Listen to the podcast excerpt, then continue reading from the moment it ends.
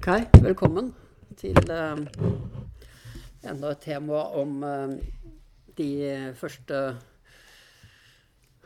De eldste kristne skribentene. Og um, dere får bare finne dere en plass. Vi skal snakke om eh, biskop, eh, biskop Polikarp fra Smyrna i dag. Og mm, Polikarp er en som vi møter flere ganger i disse oldkirkelige skriftene. Um, noen av dere uh, har, hvis, dere, hvis, det er noen som hadde fulgt hele denne serien, så vil dere huske tilbake at uh, i vår så snakket vi om Ignatius. Ignatius som ble ført som fange til Roma for å henrettes. Og på den reisen så skrev han uh, sju brev. Og et av de brevene så skrev han til biskop Polikarp, som da er dagens tema. Det skjedde sånn ca. 110 etter Kristus. Og i det brevet til Polikarp så skriver han følgende Jeg verdsetter ditt gudfryktige sinnelag. Det står fast som en urokkelig klippe, og jeg er full av lovprisning etter at jeg ble aktet verdig til å se ditt rene ansikt som jeg gjerne ville gledes ved hos Gud. Så man må vel si at det var en, eh, en eh, veldig fin måte å hilse en på, da. De var flinke til å bruke store ord på den tida. Ignatius han var innom Smyrna på den veien til Roma. Og i Smyrna så hadde han også et opphold så dermed så traff han også Polikarp der. Polikarp han ble født uh, sånn ca. år 69 etter Kristus. Uh, alle disse tallene er jo litt usikre. Men han skal ha kjent apostelen Johannes. Han skal ha sittet ved Johannes' føtter, ifølge kirkehistorieren Ikaren Eusebius, som skrev på 300-tallet. Og vi vet at han ble biskop i Smyrna like før det første århundreskiftet. Vi vet også at han var to ganger i Roma. Først omkring 115, og den andre gangen på 150-tallet. Og den andre gangen er ganske vet man en del om, fordi da dro han for å rådslå med keiseren. Nei, ikke keiseren, men med, med, bis, med biskopen i Roma, altså paven. Eh, Anisetus. Og, det de diskuterte, var når påsken skulle feires. Og det var jo en uh, diskusjon som vedvarte i kirken. For så vidt så vedvarer den ennå. Men den ble da egentlig formelt sett bestemt på kirkemøtet i Nikea i 325 etter Kristus. Men uh, da mente Polikarp at man skulle følge den jødiske kalenderen og feire påsken 14. Nisan. Mens pave Anisetus holdt fast ved at påsken skulle feires på søndagen, ettersom søndagen var Kristi oppstandelsesdag. Og de ble ikke enige, så de reiste hver sitt til sitt og fortsatte å feire påske på da forskjellige dager. Eh, det har jo blitt til at man har fulgt Anisetus, da, med at vi feirer jo påske alltid på søndag. Påskemorgen. Det Polikarp er mest kjent for, er martyret sitt. Um, og beskrivelsen av hans død, hans martyrium, er det første vi har som et samtidig vitnesbyrd i Oldkirken. Altså beskrevet av de som så det. Um, etter Stefanus, om vi kan si det sånn. Og han ble martyr, drept antagelig 156 eller 157 etter Kristus. Og vi vet at det skriftet som beskriver det som skjedde, ble skrevet i løpet av det første året etterpå. Fordi at man skriver der at uh, at man håper på å kunne feire ettårsdagen for hans uh, martyrium. Så man liksom så fram til det. Og dette var noe man skulle feire, uh, fordi at det var noe som var stort. Um, og de skrev altså ned beretningen og sendte det til uh, menigheten i Filomelion. og, som de skriver, og alle andre lokalmenigheter i Den hellige universelle kirke. Så det er tydelig at de da ønska å fortelle om hva som skjedde med Polikarp, de som skrev dette Polikarps martyrium, og sendte det ut til de andre kirkene. Uh, det som skjedde, var at uh, like etter at Polikarp hadde vendt tilbake til Smyrna fra denne uh, besøket i Roma hos paven, så brøt det ut en slags uh, lokal forfølgelse av kristne der.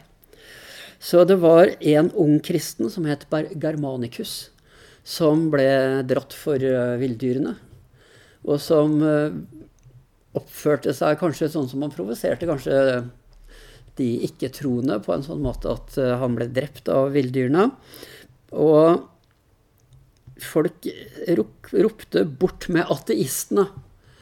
Og ateistene var jo de kristne. Altså de som ikke trodde på liksom, folkets guder. Eh, de var ateister. Så på en måte så var de kristne de første ateistene. Og de krevde Folk ropte da på at Polikarp måtte dø. De krevde Polikarps blod. Og Polikarp, som jo var biskop i Smyrna, han ble advart av de andre troende at nå kom, nå kom myndighetene for å arrestere ham. Så, de, så han, eh, han, skjulte seg, ikke skjul. Og han eh, dro utenfor byen, til en gård som han oppholdt seg på. Men han ble forrådt av en av sine egne tjenere, som ble torturert og klarte ikke å holde på hemmeligheten. Og de fikk vite hvor han var, og sendte da ut folk for å arrestere han der. Uh, han var en som verken provoserte fram martyret sitt eller uh, frykt, flykta fra det. Men han venta da rolig på det som skjedde. Når de kom for å hente ham, så inviterte han dem inn i liksom, denne stua og spurte bare om han kunne uh, trekke seg tilbake og be en time. Og det fikk han lov til. Og det står at han ba i to timer. Og han ba for alle som han hadde møtt.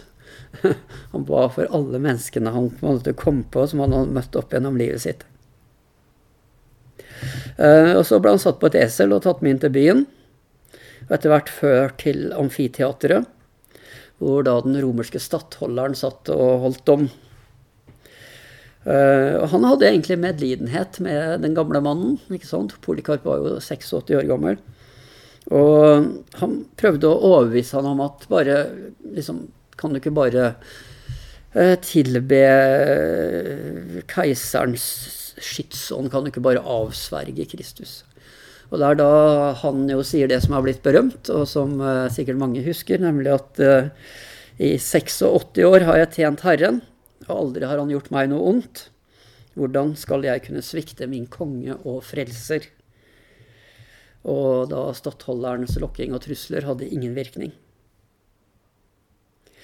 Og når alle folka hadde hørt det, da, at han tilsto at han var kristen, så ropte de at han måtte drepes fordi han var en som ødelegger våre guder. Og først ropte jeg at han måtte kastes til løvene. Men løvene hadde visst gitt seg for dagen, virka det som. Så, så, han som passa løvene, sa at nei, det går ikke. Um, så dermed så tente de heller et bål. Et stort bål. Og uh, han ble jo tatt inn i bålet. Og så beskrives det følgende Og vi som var gitt å se det, fikk se et under. Og vi er blitt skånet for å kunne fortelle andre om det som skjedde. Ilden dannet liksom en hvelving eh, og omsluttet martyrens kropp som et seil fylt av vinden. Og han som sto der inne, ligna ikke kjøtt som brenner, men snarere brød som blir stekt. Eller gull og sølv som blir glødet i en ovn. Da de lovløse mennene til slutt så at kroppen hans ikke kunne bli fortært av ilden, så ga de ordre om at bøddelen skulle gå bort og støte et sverd i ham. Så fortelles det også at eh, når eh, dette sverdet støtes inn i Polikarp, så kommer det ut en due og masse blod. Så mye blod at det, det slukker ilden. Og da ser vi kanskje også at denne skildringen, den er jo Samtidig som den er en øyenvitneskildring, så, så til, trekker den jo til seg skal vi si, noen legendariske trekk. da. Så man liksom, den, den har jo tydeligvis vokst litt på seg. Men et interessant trekk ved denne historien er at uh, det begynner altså med den unge Germanicus, som led en heroisk død. Men det fortelles også om en som het Kvintus. Og Quintus var en som hadde anmeldt seg selv som kristen. Man var ivrig. Her skulle man virkelig stå for 'Jeg er kristen, jeg skal stå for det'.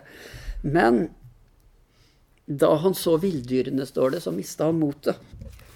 Og han valgte å ofre til keiseren for å slippe unna. Og så står det derfor, brødre, roser vi ikke dem som overgir seg selv, for slik lærer ikke evangeliet. Det har vi vel snakka om tidligere òg, at uh, de kristendomsforfølgelsene som skjedde rundt disse tidene, de var jo ikke universelle, de var uh, lokale, de kunne liksom skje litt sånn spontant her og der. Og ofte så var det sånn at liksom, Formelt sett så skulle man jo da, eh, hvis man var kristen, så skulle man jo bli arrestert og stilt til ansvar.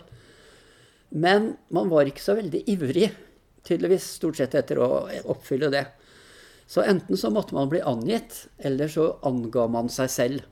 Og da måtte myndighetene liksom ta affære, for det skulle de. Men det å angi seg selv, det ble ikke sett på som noe som var en god gjerning eller handling. Det skulle man ikke gjøre. Det var i hvert fall de hendelsene som utløste det som skjedde med Polikarp. Polikarps brev er skrevet noen år før hans martyrium, selvsagt. Eh, det er skrevet til de kristne i Filippi. Og man Altså Noen av de skriftene vi har tatt opp her, vet man jo veldig nøyaktig når ble skrevet. Man vet ikke nøyaktig når dette ble skrevet, men man antar at det ble skrevet litt før år 120. Eh, og det som står som Polikarps brev, som vi har i dag, består egentlig av to brev. Eh, fordi eh, det er lagt til, eller på en måte den avslutningen, er tydeligvis fra en tidligere tid. Og bare for å si hvorfor man kan si det um,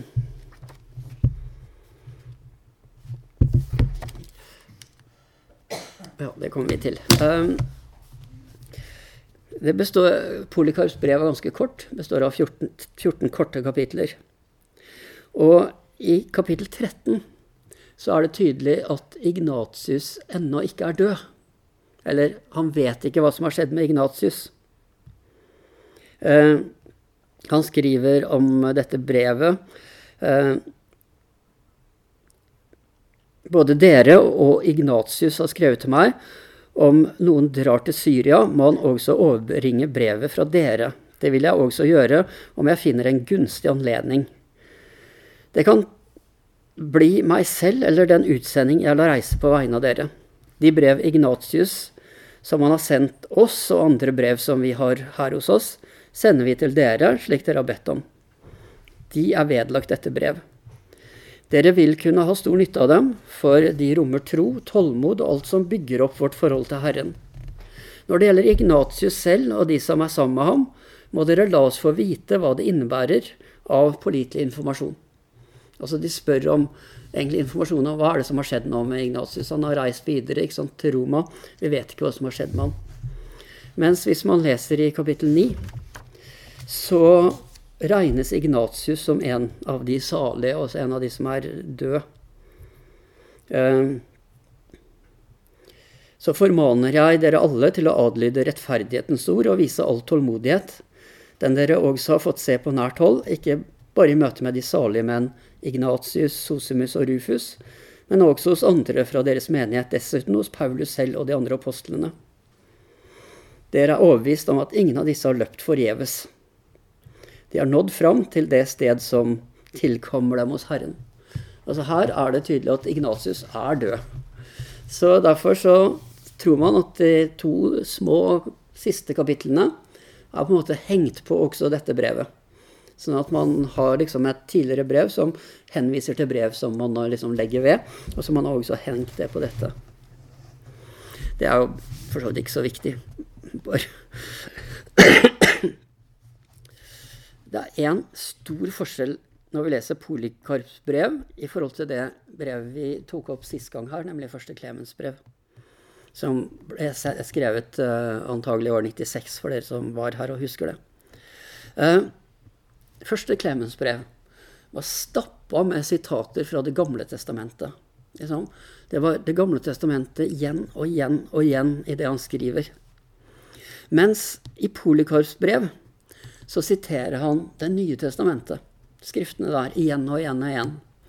Altså er det nå tydelig egentlig at på denne tiden, og vi nærmer oss 120 etter Kristus, så virker det som om Det nye testamentet, i hvert fall store deler av det, nå måte er anerkjent som liksom, de hellige skriftene. Jeg skal gi dere noen eksempler.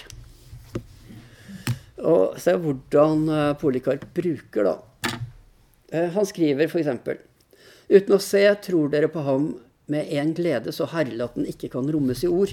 En glede som mange lengter etter å gå inn i. Og Det han henspiller på, er første Peters brev. Ham elsker dere enda dere ikke har sett ham, han tror dere på enda dere ikke ser ham, og dere jubler av fylt av en glede så herlig at den ikke kan rommes i ord. Og litt senere dette er noe som selv engler lengter å se, se inn i.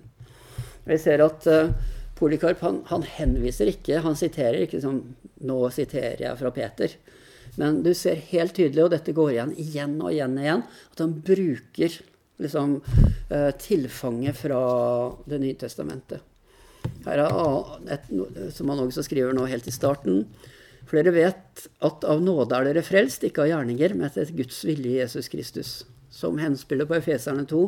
Fra nåde er dere frelst ved tro. Det er ikke deres eget verk, men Guds gave. Og den måten å bruke de nytestamentlige skriftene på, som, som Polikarp gjør her, eh, gjør at det er tydelig at han forutsetter at de som nå leser det og hører det, de kjenner til sant, grunnlaget. De skjønner at han på en måte gjenforteller det de kan. Han gjenforteller de skriftene som for dem er viktige. Og han bruker store deler av Det nye testamentet i, i det han skriver. Ehm, dette er fra kapittel 1. Kapittel 2 fortsetter sånn Spenn derfor beltet fast om livet. Som er eh, fra 1. Peters brev 1.13. Ehm, og han fortsetter Dere må legge bak dere det tomme snakket. Som er eh, henta fra 1. Timoteus brev 1.6. Og spesielt Timoteus-brevene og Peters brev er veldig mye sitert. I kapittel tre så skriver eh, Polikorp direkte om Paulus. For verken jeg eller noen annen i samme stilling som jeg kan nå opp til den salige og lovpriste Paulus' visdom. Han som kom til dere i egen person og lærte grundig og pålitelig sannhetens ord blant dem som levde den gang. Og når han var borte, skrev han brev til dere. Om dere fordyper dere i dem, kan dere bli bygget opp i den tro som er gitt dere. Paulus er en helt for uh, Polikarp. Og vi ser altså at han henviser til uh, uh, Ja, egentlig at Paulus har vært i Filippi. Apostlenes gjerninger, kapittel 16, forteller om Paulus' opphold i Filippi. Filippi som da den første byen i Europa sant, som, som, Paulus kommer til. I Makedonia, som det står her der han på sabbatsdagen gikk utenfor byporten til en elv hvor vi mente var et bønnested. Der satte vi oss ned og talte til kvinnene som var samlet. Blant tilhørerne var det en kvinne fra Tyatira som het Lydia. Hun handlet med purpurtøy og hørte til dem som dyrket Gud. Herren åpnet hennes hjerte så hun tok til seg det Paulus sa. Sammen med alle i sitt hus ble hun døpt, og hun ba oss komme og bo i hjemmet mitt, så sant dere mener at jeg tror på Herren. Hun overtalte oss til det. Lydia, den første europeer som på en måte blir frelst. Og så fortsetter jo oppholdet i Filippi etter dette med at Paulus og Silas blir arrestert. Sitter i fengsel, sitter i det innerste fangehullet og synger lovsanger. Og så skjer det et jordskjelv, og dørene åpner seg. Fangevokterne vil ta livet sitt, men skjønner at de er der. Så tar han med dem hjem til seg om natten, og han og hele hans hus blir også døpt den natten. Ehm, så Paulus har jo en eh, fargerik historie fra Filippi. Og når Polikarp skriver at han skrev brev til dere, så er det flertall. Uh, og det er mulig at Paulus skrev flere brev til filipperne enn det vi har. Det vet vi ikke noe om. Men det er kanskje like sannsynlig at det han henviser til, er alle Paulus-brevene som nå sirkulerte mellom menighetene. ikke sant? Og vi finner flere hentydninger til Paulus' brev hos Polikarp. I løpet av, altså Dette dreier seg om fem sider, ikke sant? så det er ikke noe langt brev. Og iallfall første Korinterbrev, Galaterbrevet, Romerbrevet, Efesebrevet, Kolossebrevet og første og andre Timoteusbrev er sitert og henspilt på hos Polikorp. Eh, så det er ganske vesentlig. Og vi kan se på kapittel fire som et eksempel. Eh, der er det jeg som har satt inn i parentes hvor han, hvor, hva han spiller på, liksom. Han skrev ikke hva han siterte. Kjærlighet er penger av opphavet til alt ondt, som det også står i 1. Timoteus 6,10. Når dere vet at vi ikke har tatt noe med oss inn i verden, ja, heller ikke skal ta noe med oss herfra. 1. Timoteus 6,7. Så la oss væpne oss med rettferdighetens våpen. 2. Korinterbrev 6,7. Han, han bruker setningene fra Paulus herfra og derfra setter det sammen. Eh, så, så er, jeg syns det er veldig interessant. Ehm, men hva er det som egentlig er viktig for han å si? Hva er det han vil med brevet sitt? Hvorfor skriver han? Ehm, og det ser ut til at det er først og fremst at han ønsker å bevare menigheten fra vranglære. Altså Han vil at de skal holde seg til den rette tro. Og det er ganske sånn gjengs i veldig mye av de skriftene vi ser fra denne tida. At de er opptatt av det. Uh, og ikke bare den rette tro, men også den rette praksis. Og det er også tydelig at det er en helt spesiell sak som aktualiserer det, som man kommer til i kapittel 11 uh, eh, av de 14 kapitlene. Og dere som var her og hørte på første Clemens brev, dere vil også huske at han Det var et kjempelangt brev. Og han har en helt tydelig én sak han er opptatt av.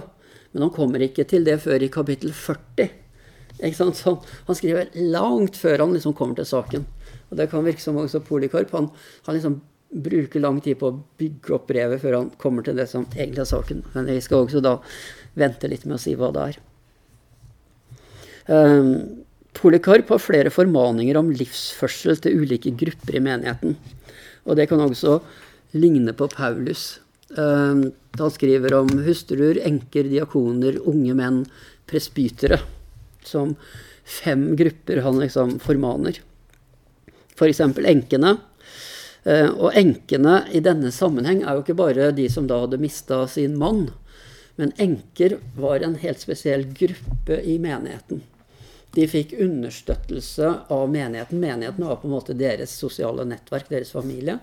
Og de hadde også en spesiell tjeneste i menigheten. Det ble forventa at de, de, de, stilte opp med en del ting. Og han skriver om enkene at de må holde seg borte fra alle former for sladder, baktalelse, falskt vitnesbyrd og pengebegjær. Ehm, når det gjelder hustruene, så skriver han om å holde av sine egne menn i all oppriktighet, og elske alle mennesker uten forskjell, i full selvbeherskelse, og gi barna en oppdragelse i Guds frykt. Diakonene, som man kommer til da i neste kapittel, eh, de må ikke fare med sladder, stå ved sitt ord og ikke være pengekjære. De skal være barmhjertige, omsorgsfulle og leve etter Herrens sannhet, Han som ble en tjener for alle.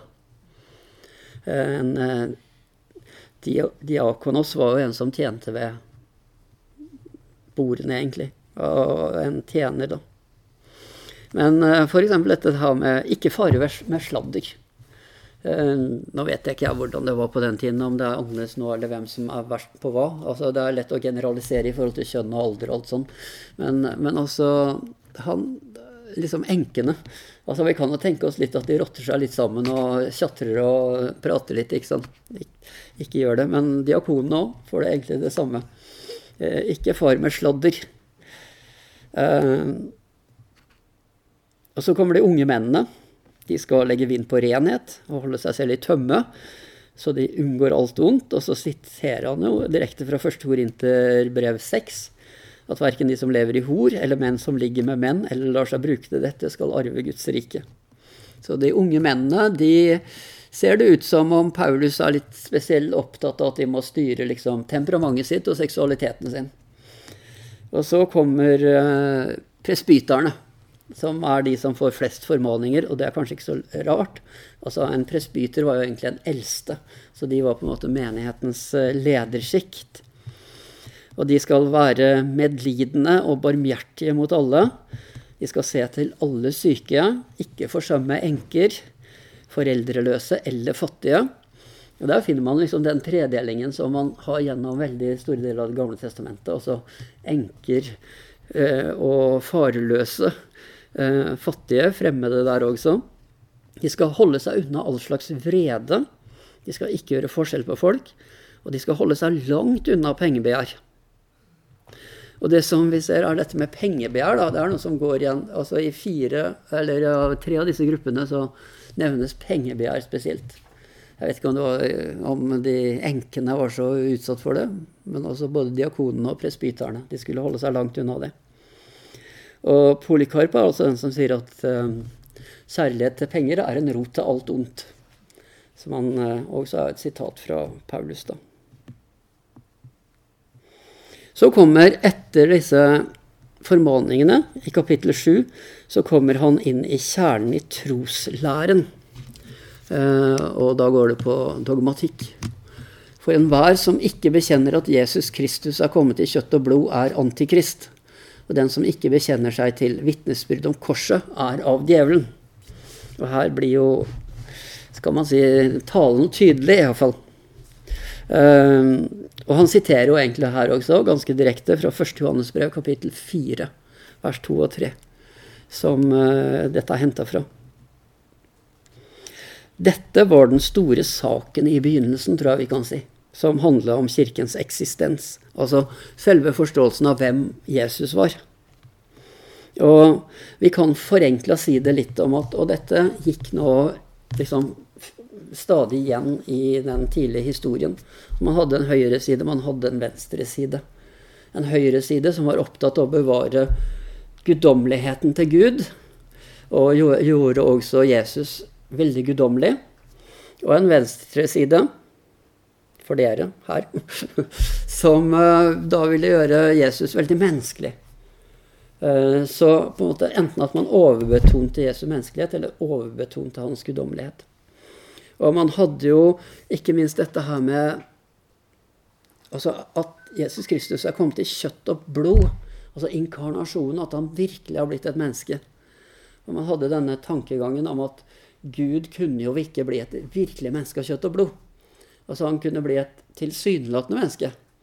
Eller han kunne bli, ta bolig i en menneskelig kropp. Men han kunne på en måte ikke bli kropp, hvis dere skjønner.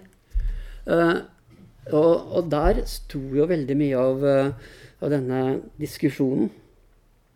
At Gud virkelig ble et menneske i Jesus Kristus. Um, kirken holdt jo fast på en bekjennelse som sa at Jesus er sann Gud og sant menneske. 100% Gud, 100% menneske. Som han holdt fast ved, skal vi si, dette som ikke kan gå opp logisk, men som er på en måte det bibelske vitnesbyrdet. Dette som troen omslutter, og som, man, som var på en måte det, det aller mest uh, dyrebare man hadde i troen. Ikke et guddommeliggjort menneske, ikke en guddommelig menneskekropp, men sann Gud og sant menneske.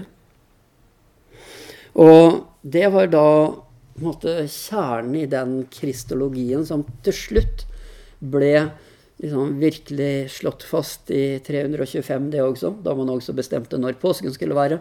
Så enda viktigere hvem er egentlig Jesus? Um, ja, jeg har ikke tatt med det, men altså den nikenske trosbekjennelsen, som jo er den mest universelle i kirken. Den apostoliske er den vi bruker i kirken hver søndag, men den nikenske er den som flest kirker i verden på en måte har slutta seg til. Og der står det om Jesus. Vi tror på én Herre, Jesus Kristus. Guds enbårne sønn, født av Faderen før alle tider. Gud av Gud, lys av lys. Sann Gud av sann Gud. Født, ikke skapt, av samme vesen som Faderen. Ved ham er alt blitt til. For oss mennesker og til vår frelse steg han ned fra himmelen, og ved Den hellige ånd og av jomfru Maria ble han menneske av kjøtt og blod. Eh, veldig sånn presise begreper for å si hvem er det vi tror på? Hva tror vi om Jesus?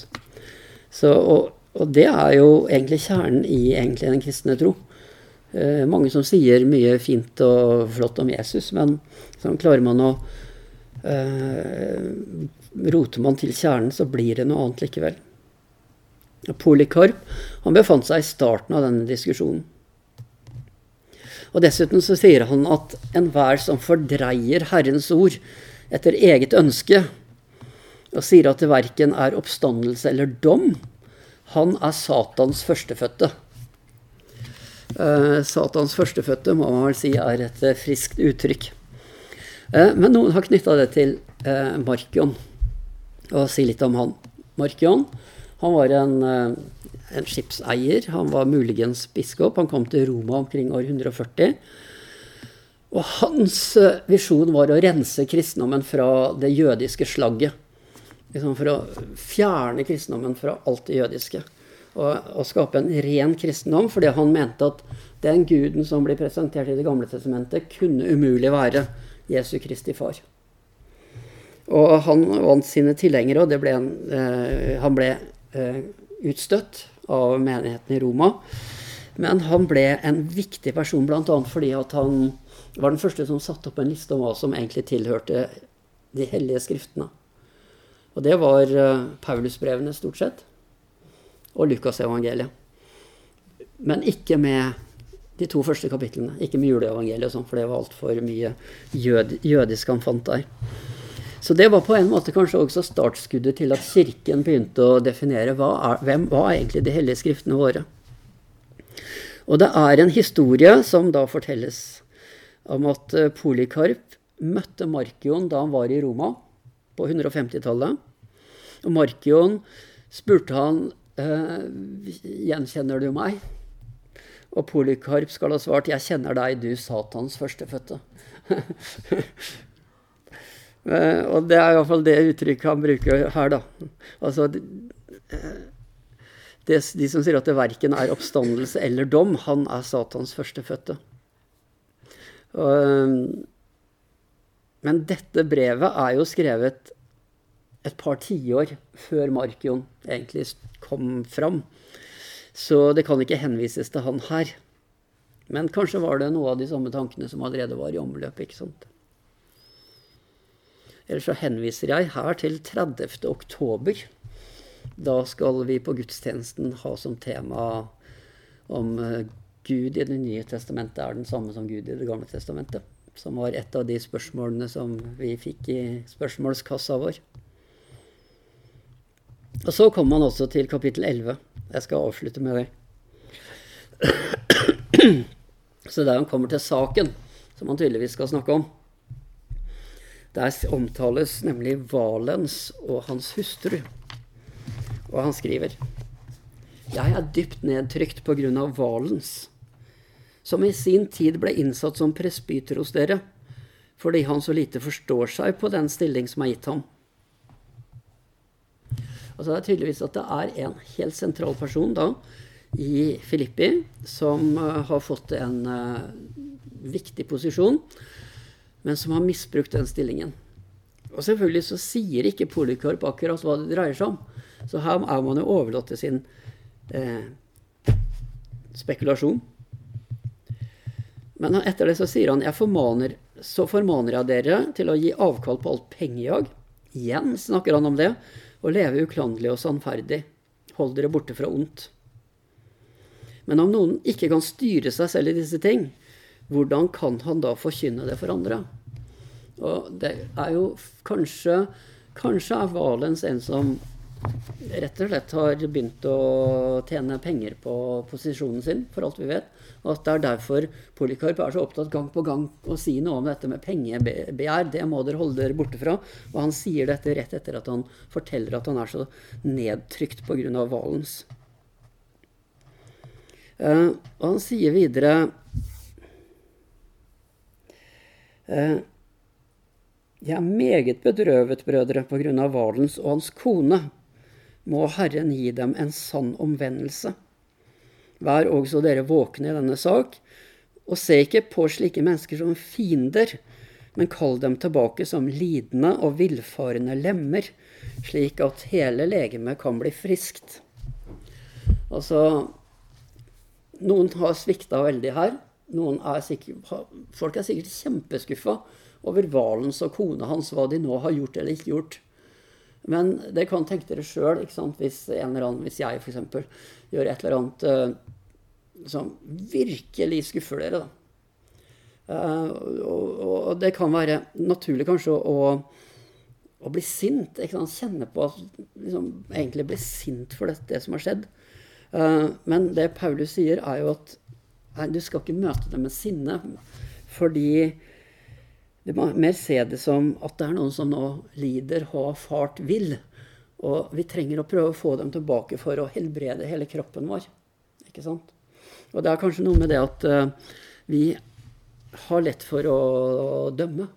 Og ofte så er det en veldig god liksom, Føles godt å kunne dømme noen. Og det finnes jo mange eksempler, og det må jo sies ikke minst de siste årene, på sånne Ikke minst hvis man går til USA og sånn, syns jeg det stadig er en eller annen fremtredende forkynner som liksom har starta en megamenighet, og vært superstjerne. Så plutselig så er det et eller annet. Eh, man sier jo at det er tre ting som feller disse folka. Det er penger, det er makt, og det er sex. Uh, ofte så kommer alle de tinga blanda sammen òg, så en ganske sånn uh, forgifta gryte, om vi kan si det sånn. Uh, vi aner ikke hva som skjedde med Valens og kona hans. Og vi vet ikke hvordan det gikk heller. Men de fikk nå navnet sitt iallfall i kirkehistorien. Men altså så sier også uh, Polikarp i kapittel 12 bli ikke sinte. Blir dere sinte, så synd ikke. La ikke solen gå ned over deres vrede. En, to sitater fra Det nye testamentet. Og vi kan jo ta det også til oss at uh, når vi blir skuffa eller et eller annet Og sinne er en naturlig reaksjon. Så står det jo ikke hos Polikarp eller i Det nye testamentet at det er synd å bli sint. Men hvis du blir sint, sint så synd ikke. Og la ikke solen gå ned over din vrede. Altså kontroller det, på en måte. Eh, følelsene er, kan være riktige og sanne. Og, og er, man skal ikke alltid undertrykke disse følelsene. Men hvis de får et feil utløp, så er det utrolig destruktivt. Ja, og så avslutter han også brevet sitt med disse to veldig korte avsnittene som antagelig er skrevet en del år før. Så dette er Polikorps brev, og litt om hans historie.